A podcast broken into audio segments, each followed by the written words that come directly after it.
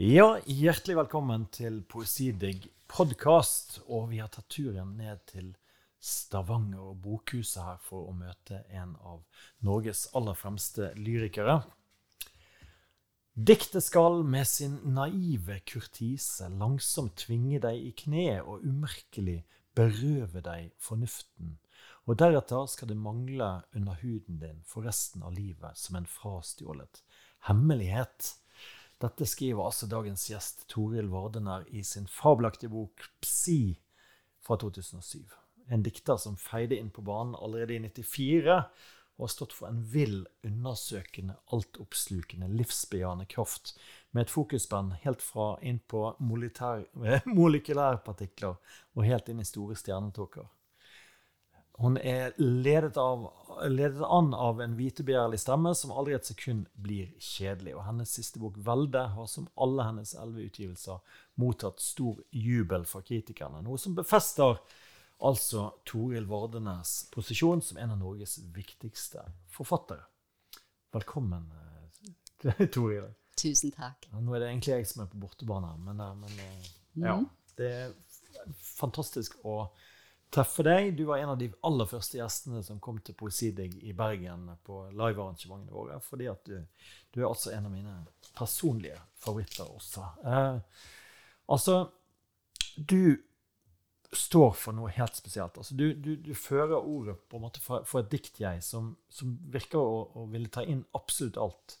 Og som stiller seg på en måte åpen for, for alt rett og slett. Altså, og dette enorme spennet med, med liksom, det, det, føles som uh, en blanding av metafysikk, trolldom, vitenskap. Uh, det er helt Det er ganske sånn uh, Man føler at man virkelig er over, under en, en, stor stjernehimmel når man leser dine dikt. og det oppleves på en måte som en, som en ubegrenset frihet i din, i din stemme. Men, men, men, er det sånn det oppstår også når du, når du skriver?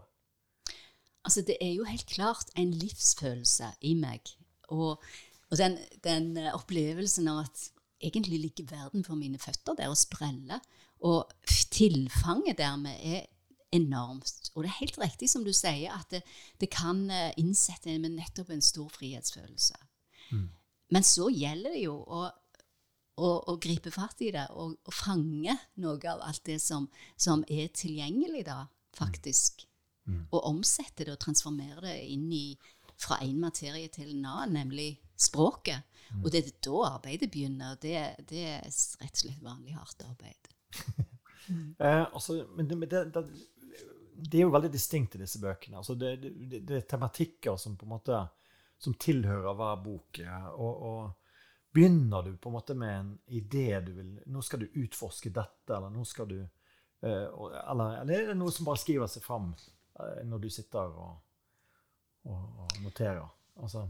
Um, altså, jeg har alltid misunt forfattere. Primært og prosaforfattere er det som bedriver dette.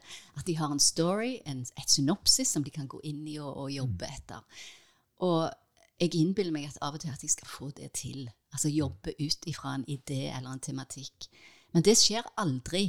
Og det er mm. eh, sånn at jeg er totalt blank og, og, og, og tom og uvitende og tenker at jeg aldri mer klarer å skrive noe som helst. Og det er ikke noe koketteri, det er blodig alvor der og da. Mm. Ja visst.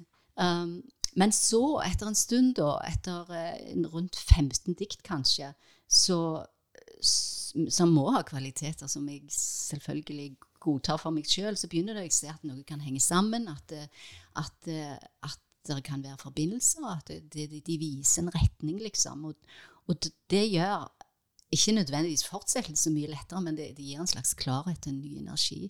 Mm. Så ja. Mm. Um, altså, du, du, står jo, du, står jo, på, på stortommen her. Jeg, jeg, jeg, gleder meg til Vi skal snart høre deg lese, for det at, eh, så folk på en måte skjønner liksom uh, uh, ja, anspråket ditt. Det, men det er mektig. Det, det, er på en måte det er en autoritet i denne stemmen som, er, som føles uh, modig, da, på en måte. Altså, er det noe som du har hatt hele, hele veien? Altså, hvor, hvor, kommer det, den, eh, den, stemmen din fra? Ja, altså det, mot, Ja, det eh, motet kanskje Det kommer jo ikke akkurat reken på en fjøl. Det er en, en, en slags eh, tilkjempet uh, opplevelse. Og så må jeg jo ha dekning for det i sin egen livserfaring. Um, og jeg mener sjøl altså det å slå på, slå på stortromma altså jeg, føler at jeg både er beskjeden og ydmyk, men jeg er òg selvhevdende. Og at jeg, jeg, har et slags tiltro til mitt eget potensial. Og, og vet, men jeg vet òg hvor mye jeg faktisk ikke vet. Så jeg tenker òg at kunsten i litteraturen er den åpenheten um, for noe jeg ikke vet hva er.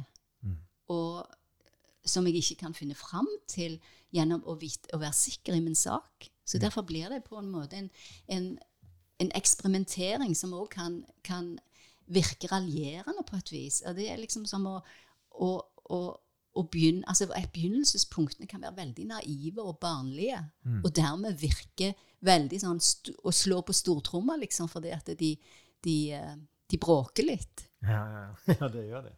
De tar plass. Ja, de tar plass. Absolutt. Eh, altså, denne samtalen skal jo også ta oss litt eh, tilbake i tid. Du har jo, du har jo et, eh, du har vært forfatter sin, eh, publisert forfatter siden 1994, så du har på en måte vært med på 90-tallet også. Og, og, og det å debutere på, på 90-tallet, altså eh, hvordan, hvordan var, det, var det å komme inn? Du, var, du, var, eh, du hadde gått på Skrivekunstakademiet i, i Hordaland der. og hvordan, hvordan eh, I forhold til i dag, liksom, hvordan, fortell, fortell litt om hvordan den Mhm. følelsen Ja, ja, ja. Jeg, jeg opplevde jo det positivt. Som noen år da og framover en slags vilje til, til å velge poesien og gjøre den synlig. Eh, og kanskje husker jeg feil. Kanskje var det sånn at det kulturpolitiske miljøet den gang ikke egentlig var sånn. Men min personlige erfaring uh, er at jeg hadde jeg hadde vind i seilene, og, og den vinden kom jo fra samtiden òg. Altså ikke bare fra min egen eh, energi og, og, og skriving. Så um, ja, det var det, Jeg tror jeg eh, ser på den tiden som, som, som veldig som vitalistisk på et vis. For du var jo virkelig en, eh, altså, du, i det, helt fra starten et, et stort navn, sånn som jeg husker det. Altså, jeg, jeg gikk jo på Skrivekunstakademiet i 98, og da, da husker jeg at liksom, Toril Vardene det var en av de navnene alle, alle var, var opptatt av. eh, Og det var jo bare noen år etter, etter debuten din. Så, Mm. ja. Kanskje vi skal få høre bitte litt eh, fra den her i pionertiden. Det å lese gamle dikt er jo en Det er jo eh, sikkert litt rart, men, eh, Det er litt rart. men det, Jeg gjør ikke ofte det, men Nei, nei. jeg prøver meg på en anvisning. Anvisning.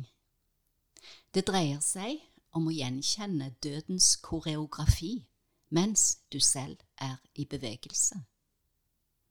Jeg vil ikke begrunne denne påstanden, for det kan få deg til å stoppe opp, spotte meg, tenke eller gråte.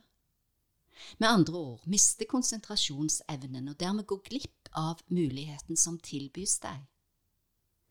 Så jeg går videre og insisterer på at du kan øve deg i ovenstående ved å sykle i moderat fart, eller slik vinden vil, på en flate nær havet, med håret i en pekende fane. Snu så hodet fort til høyre eller venstre. Da vil du se en fugl fly skrikende opp, eller en bølge bryte skjæret annerledes enn før.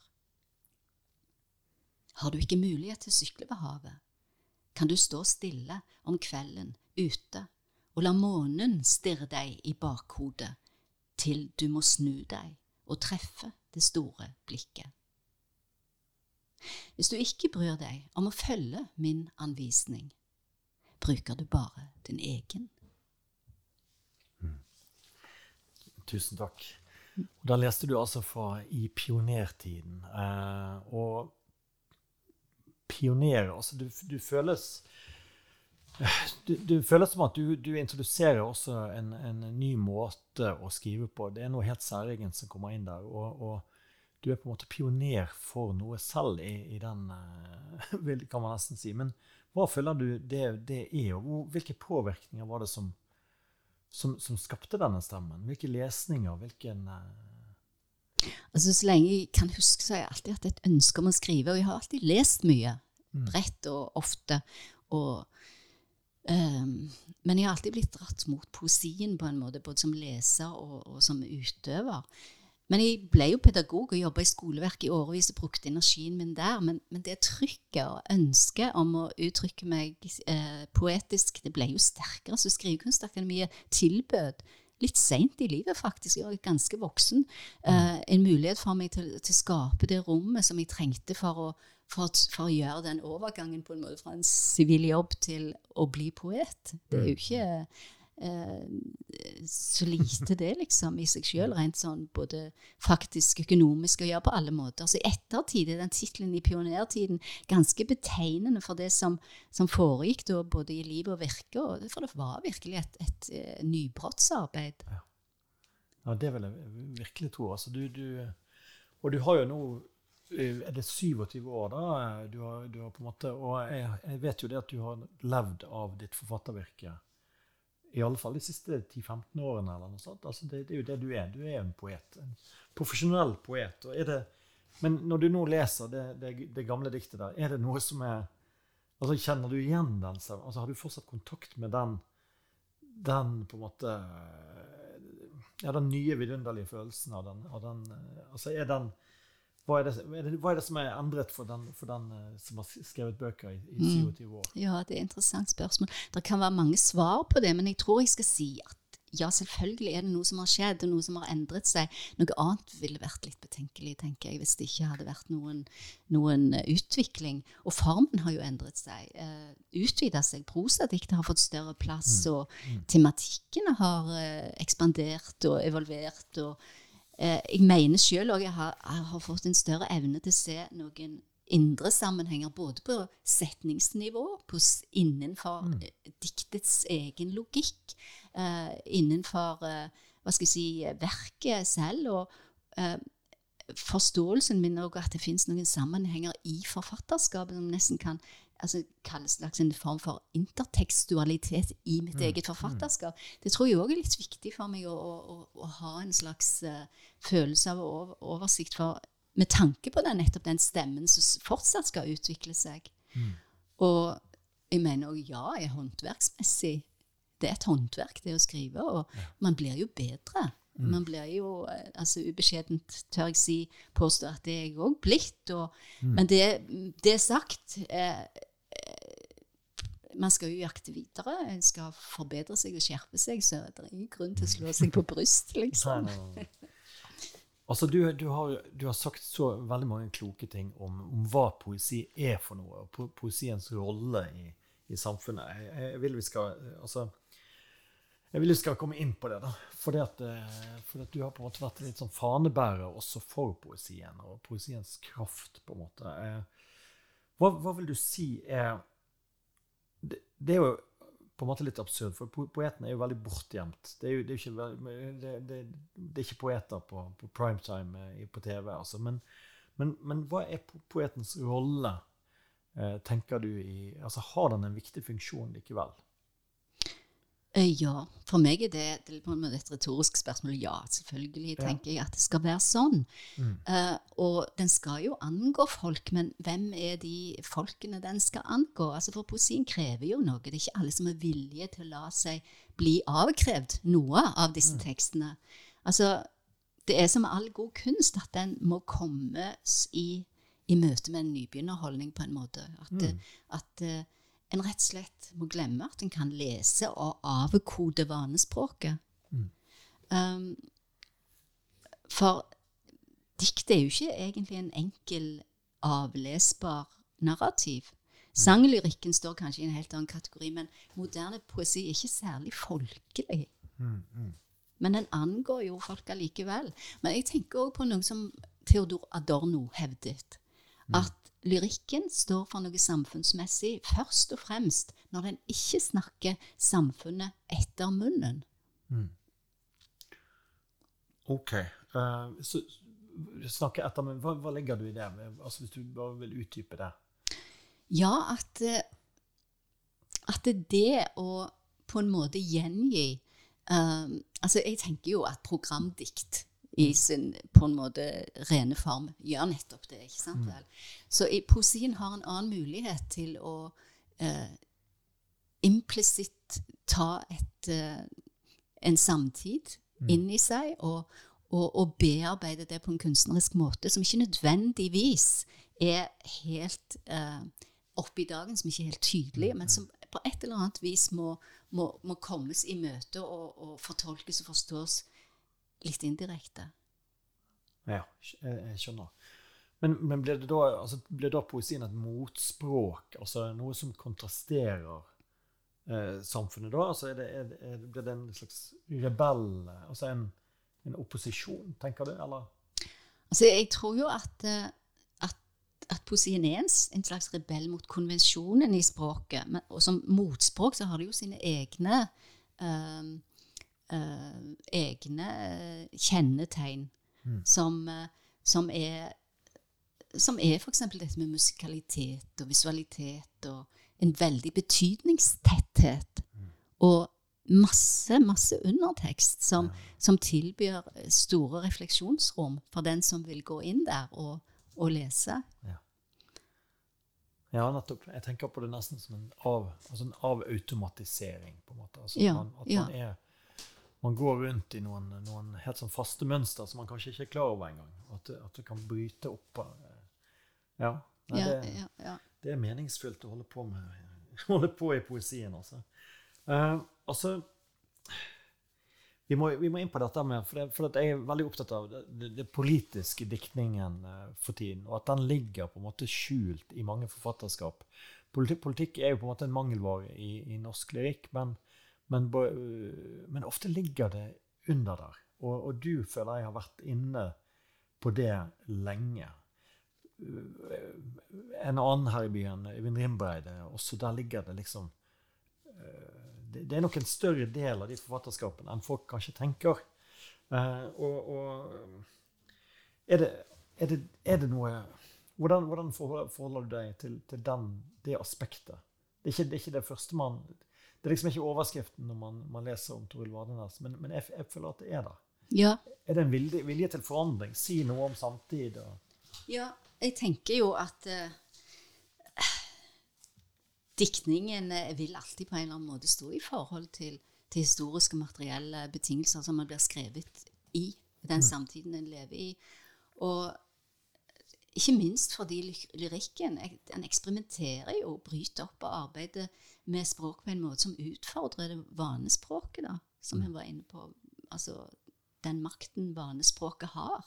Og dermed oppfatningene våre. Mm. Um, så nettopp ved å utfordre uh, det bestående språket, mm. så er poesien per definisjon ja. politisk, tenker jeg.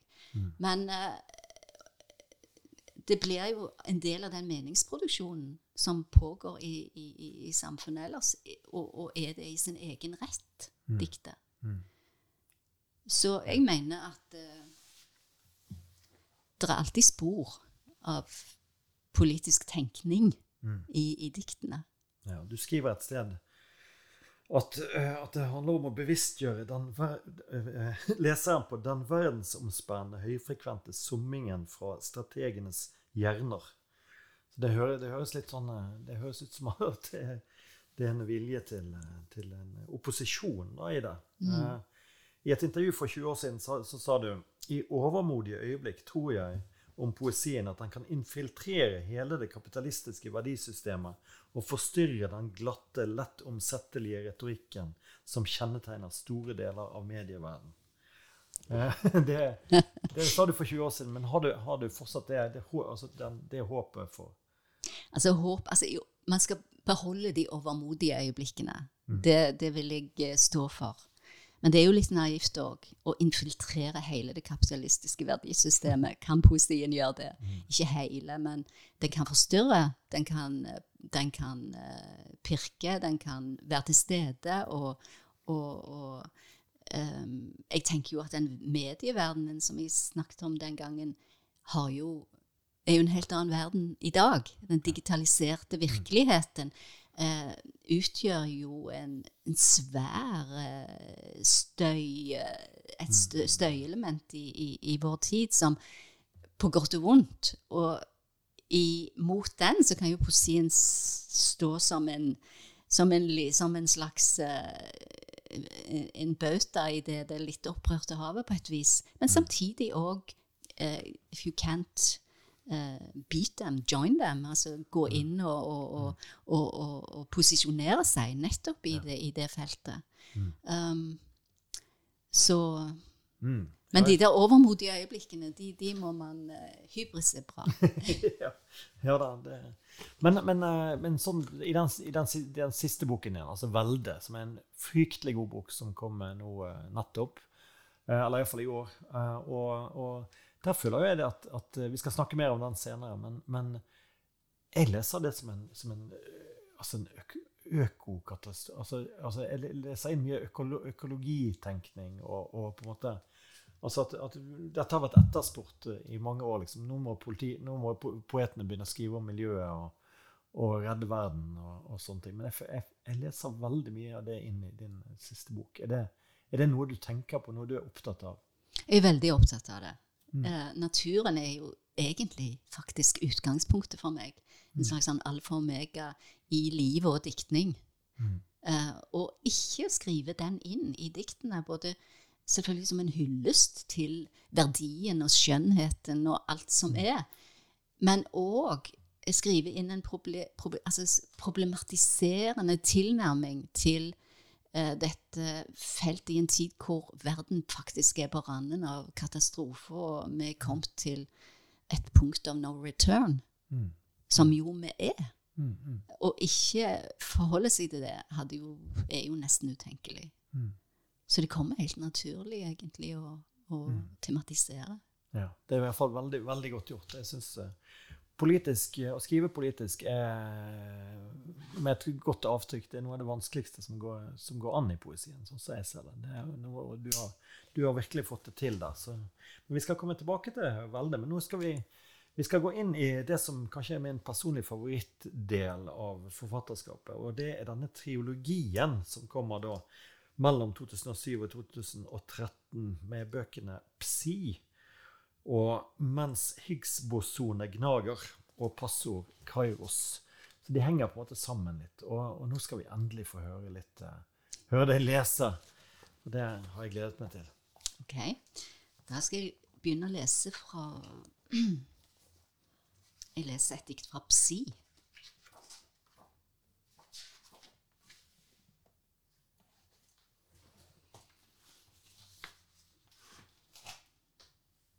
Et av diktene i Kjærlighetens gjerninger. Igjen truffet av en sjelden høyfrekvent lyd, uhørlig som fra hundefløyter, eller uhørlig med en påfallende aura bare, som fra et fremmed lydfakultet som splintrer alle kjente megahertz og sprer ut at også de innerste arkivene, også det som verdenshistorien ikke nevner, finnes i en fjern pulsar eller i en overgrodd teig et sted, i noen murer. Og alt synker og stiger på samme tid holder det synlige i age, holder det usynliges utømmelighet mulig midt i verden. Og en plutselig overenskomst mellom oss om å arve hverandre i levende live, om å blande lysende celler nå, stål og ukjent gods fra den hellige framtida, gjelder ikke bare oss to blant andre elskende. Nei, Alt er innbefattet. Steiner og planter og dyr står i samme testamentariske laug. Også de som er gjort arveløse, enten de vet det eller ikke, enten de vil det eller ikke. Og vi skal arve hverandre, ikke på grunn av en plutselig sjelden høyfrekvent lyd, heller ikke som følge av dette diktets tvilsomme mandat men arve hverandre i virkeligheten, i en sann, revolusjonær og romantisk akt, som riktignok kan framstå latterlig på en nøktern dag som denne. Men vi, vi vet jo bedre. Mm. Og så får vi høre noe fra, fra neste bok i triologien, eller er det Gjerne. Um, tenker du da kanskje på Pasor Kairos? Da leser jeg fra et arvestykke.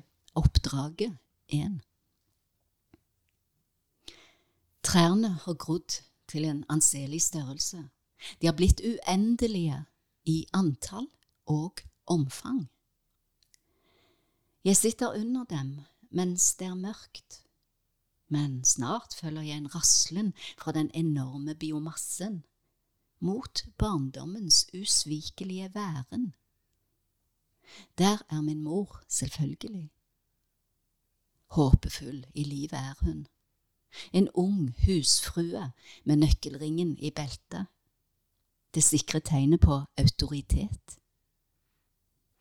Hun vrir om nøkkel etter nøkkel, og i rommene tenner hun det kvinnelige lyset først, deretter det mannlige. Og hassel, palmer, akasier og skogfuru begynner straks å vokse rundt meg.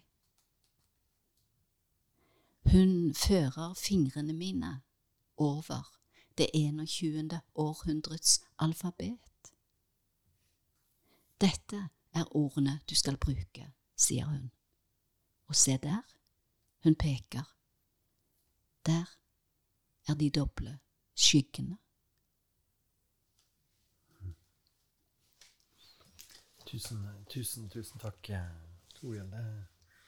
Eh, altså dette, disse, disse, kommer jo som en Her kommer det en teologi, på en måte. Eh, og hva er, det, hva er, det, du sirkler inn gjennom disse bøkene, føler du, som, som, du, som er det stedet der du trenger tre, tre for å på en måte få det til å gå opp? Altså, det, det, hva vil du sjøl beskrive som det store prosjektet her i, Eh, du kaller f.eks. noen av, av, eh, som du leste her, arvestykker. på en måte. Hvem er det som skal Er det noe, er det noe man skal etterlate til, til, en, til en, de som kommer etter oss, eller er det, er det, eh, det er mye, mye referanser til verdensrommet? Er vi, er vi liksom på vei til å, til å lette og forsvinne ut der? Mm. Det er nok mye å si om det. Men hvis jeg skal være litt kort, så er det noe med at hva skriver man om, egentlig, til syvende og sist? Jeg tenker at det er de sentrallyriske temaene som alltid eh, kommer tilbake. Livet og døden. Tapene. Kjærligheten. Sorgen. Og òg tiden, da. Tiden som eh, kan kalles den største metafysiske gåten. Um, og når det gjelder dette med arv, som du nevnte, altså disse arvestykkene så er jo det en uh, undertitler på, eller overtitler er det kanskje på, gjennom flere bøker. Og arven som begrep syns jeg er veldig fruktbar uh, uh, liksom størrelse å forholde seg til. For den har så mange konnotasjoner, liksom. Det er en, en faktisk fysisk etterlatenskaper og overføring av, av, reelle gjenstander. Det er jo arv i seg sjøl. Samtidig et begrep som er knytta til vår fysiske og mentale og, fysiologiske utrustning gjennom genetikken. Sant? Med, med eh, barna våre foreldre og alle etterkommerne. Og i en videre forstand, eh, altså kanskje litt klisjéaktig, så heter det jo vi skal arve jorden.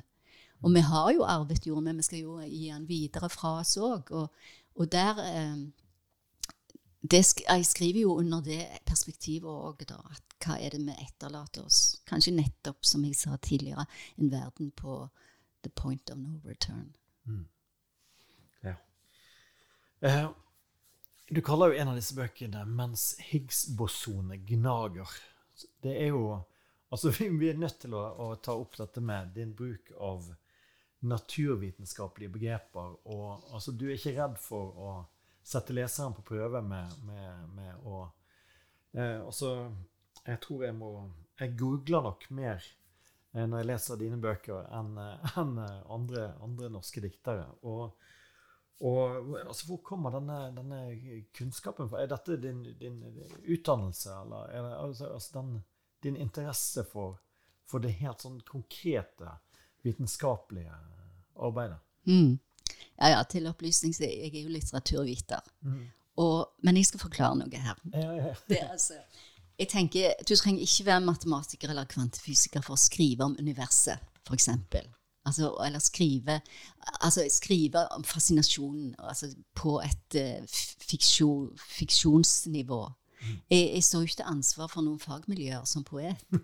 Um, og jeg jeg er, nysgjerrig på det ukjente, og nysgjerrigheten er en drivkraft. Og det er viktig tenker jeg, for en forfatter å drive research, også for en poet. Altså, Poeter driver ikke bare med føleri. Dette dreier seg om, i høy grad om eh, tenkning og intellektuelt arbeid. Og Derfor søker jeg jeg liksom søker opp sjøl den informasjonen som jeg, jeg, trenger for å skrive noe som jeg har lyst til å skrive om. Og hvis den kunnskapen jeg da tilegner meg, eh, krever begreper som ikke verken kan eller skal forenkles språklig, mm. så gjør jeg ikke det. Mm. Um, Altså Språket er rikt og avspeiler at vi er omgitt nettopp av dette, den komplekse fenomenene i, både i verden og i universet. ikke sant? Og eh, Det kan nedfelle seg i vanlige betegnelser. Og dermed kan det hende at det krever noe av leseren. Men um, i, i, det minste at en googler. Ja, for, for, min del gjør det, gjør det, bare mer interessant. Altså, ja. Jeg føler jeg lærer noe på veien. Altså, hva er Higgs-bosoner osv.? Mm, det er fint. Ja. Uh, vi skulle jo gjerne snakket om hver eneste av dine bøker, uh, men jeg syns det er verdt å nevne Eller i, i, hvor stor grad du bruker din egen historikk, eller din egen altså Toril Vardene, personen Toril Vardene, hvor, hvor, hun er i dette. Og i, i boken 'Forløp', som kom vel i Var det 2016? 20... Ja, det tror jeg kanskje. Ja. Mm. Der, der, der, der, er du kanskje der du er nærmest. For der, går du inn på det faktisk konkrete svangerskapet til Eller jeg, jeg opplever iallfall at det er lille Toril som, er, som, er, som er, din mor er svanger med. da. Og, og, at man følger ukene i denne, denne forløsningen. Uh, føler du altså, Dette skillet mellom din egen person og dikt, altså, dik, Det også å, å, dikte, eller være en dikter, det, det kjenner jeg eh, sjøl som en sånn at etter hvert så vet jeg ikke hvor jeg slutter, og hvor dikteren begynner. på en måte. Altså, altså, man har laget en spalting, og den, den lever jeg med. Altså at jeg, jeg, må være to personer resten av livet. Det er sånn jeg kjenner, kjenner det. Mm. Hvordan, hvordan, hvordan, har du det med, med, deg og din egen person i dette? Mm. Jeg tenkte jeg kanskje jeg skulle si litt om det i forløp, bare sånn innledningsvis. Mm, fordi ja. det er jo en bok som altså Når man rammer, som nettopp du sier, de første ukene det tar for et embryo til utvikle seg fra celle til fullbåren foster. Og altså, hver av de ukene har fått et dikt. Og poesien oppstår da med at det, um, at, at det blir koblet sammen med samtidige hendelser i verden utenfor. Så alt bygger jo på disse tilnærmelsesvis korrekte beskrivelsene av hva som skjer ute i verden. Både på, både, men òg celledeling på fosterutviklingen og, og, og, alle de forholdene utenfor Mm. Utenfor det lille som skjer, på en måte, eller det som er i ferd med å utvikle seg.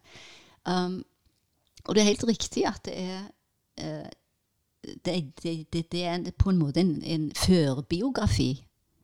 Ja. Men det er den eneste ja, ja, Men det er den eneste boka liksom, i mitt forfatterskap som ikke har en, et, et, jeg, en jeg som forteller. Mm. Det, det er en tredjeperson forteller her.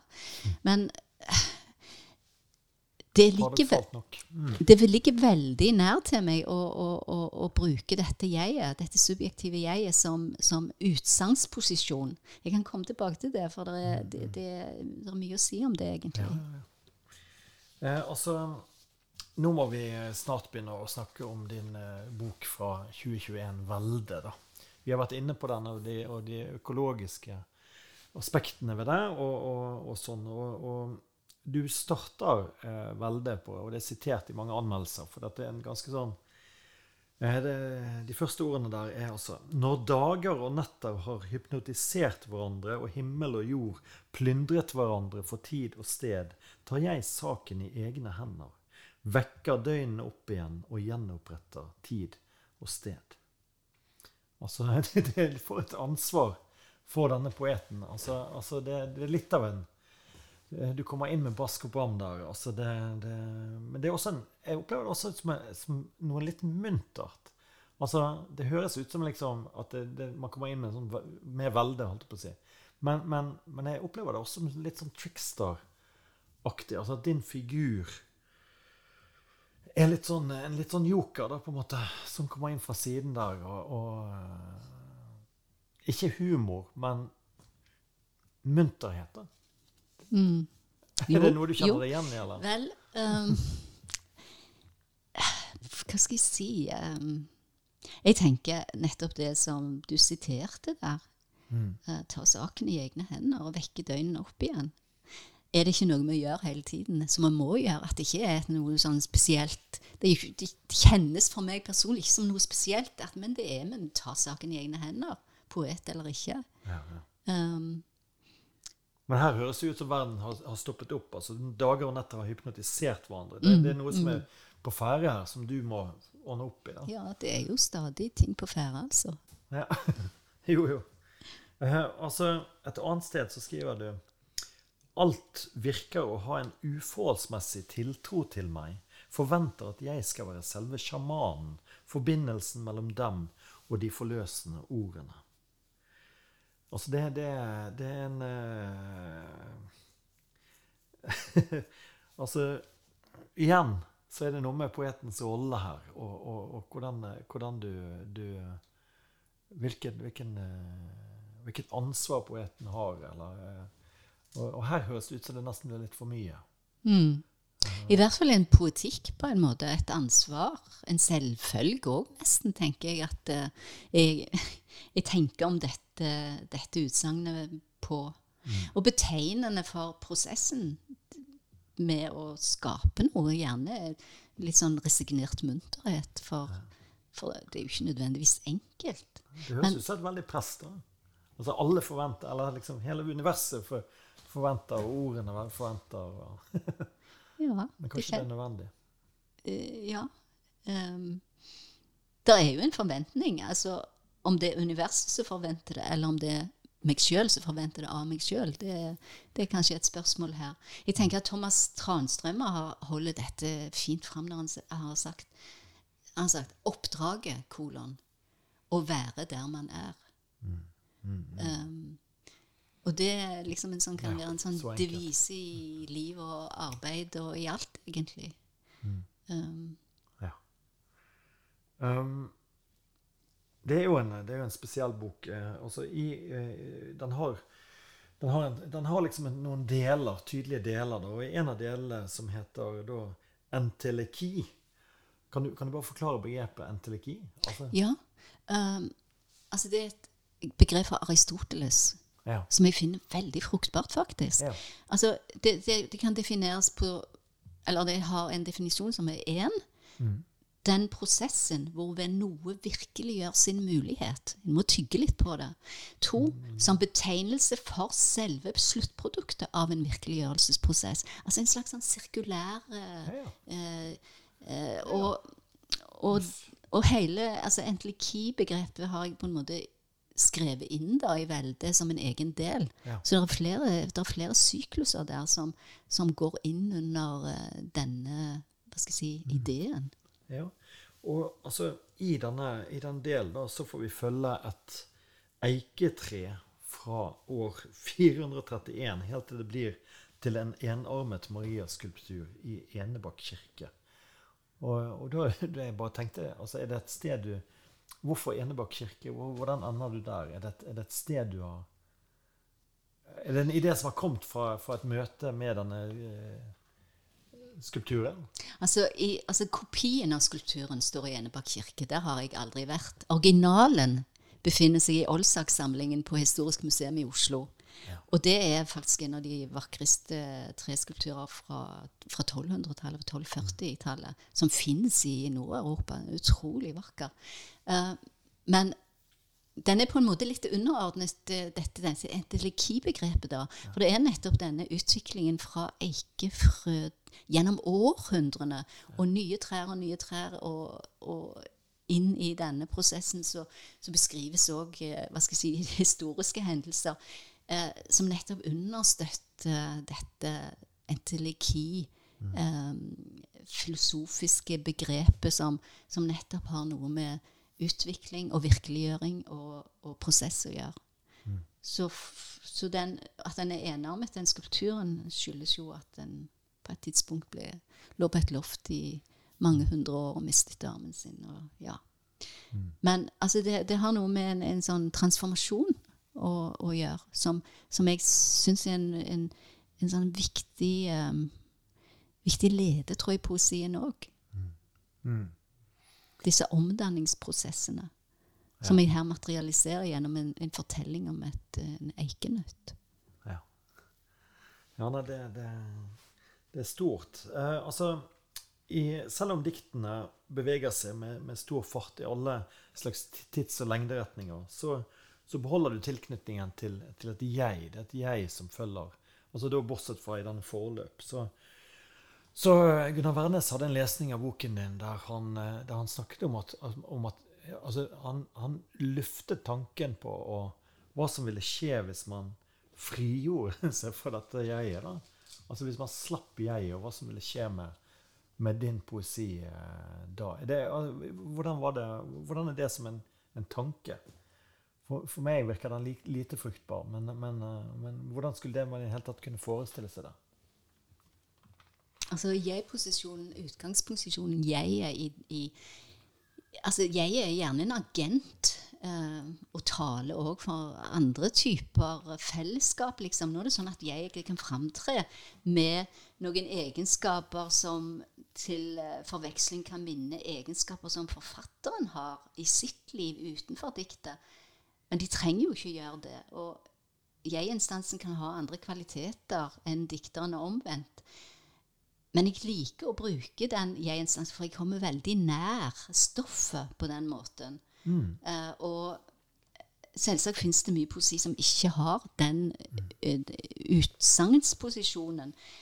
Men jeg liker å, å Men jeg, jeg, det er veldig sånn Det, det er kanskje en, en, en, del av min uh, utrustning at jeg har lyst til å, å, å, være nær det jeg er, og at um, at jeg òg føler at jeg faktisk opptrer som en upålitelig forteller. Mm. Og at det er, det er en forse. Ja, ja, ja. Nei, men jeg, jeg, var, jeg, jeg, nevnte ordet trickster. Jeg føler at, at det, det, det, er en, en, spennende figur. Det er ikke en enkel figur mm. som, er, som, er, som er dette jeg um, eh, vi, vi, skal snart få høre deg lese fra, fra Velde. Jeg vil, jeg vil bare altså, jeg vil bare prøve å Altså finne ut din posisjon i For det, for det, det, det Altså Du har jo en, noe som jeg vil kalle kanskje en vitalistisk stil i din poesi, i kontrast til veldig mye på, på norsk. Det er veldig utypisk. Altså det, det, dette er ikke smålåtent, dette er ikke forsiktig. Dette tar plass. Det, det er på en måte Og så føler du deg alene eh, med, den, med det anspråket i, i, norsk poesi? Eller, eller, føler du at du har noen allierte på en måte som du kan, eh, kan eh, ja. ja, alene, fordi en er jo alene om sine prosjekter. Mm. Um, det er ikke noe teamwork, liksom. Det å, å Men Og jeg finner vel kanskje Jeg vet ikke, jeg finner nok lettere fellesskap i tverrfaglige miljøer. Jeg har faktisk arbeidet ganske utstrakt med billedkunstnere mm. og dansere og musikere. Ja, du har vært involvert i mange mm. prosjekter. Og, men alliert er man jo egentlig med, sånn generelt med likesinnede, skapende kunstnere, både mm. forfattere og andre. Men savner du dette i norsk poesi? på en måte? Det, det, det, er jo ingen andre som gjør disse tingene som du gjør. Det er kanskje noen som ligner litt. da. Men jeg vil jo, jeg vil jo si f.eks. Øyvind Rimbreid har jo også en slags reflekterende sånn, som Han er opptatt av andre ting. da. Men, mm. men uh, Savne et fellesskap? Savne hva? Nei, jeg bare, bare lurte på Kjenner du altså, Det å stå for en, for en retning mm. Så ser jeg at det ikke er så veldig mange andre som ligner. Om det, mm. om det er noe, mm.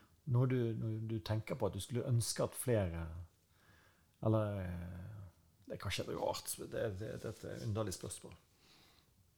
Nei, det er et interessant spørsmål, men jeg vet ikke om jeg har noe svar på det.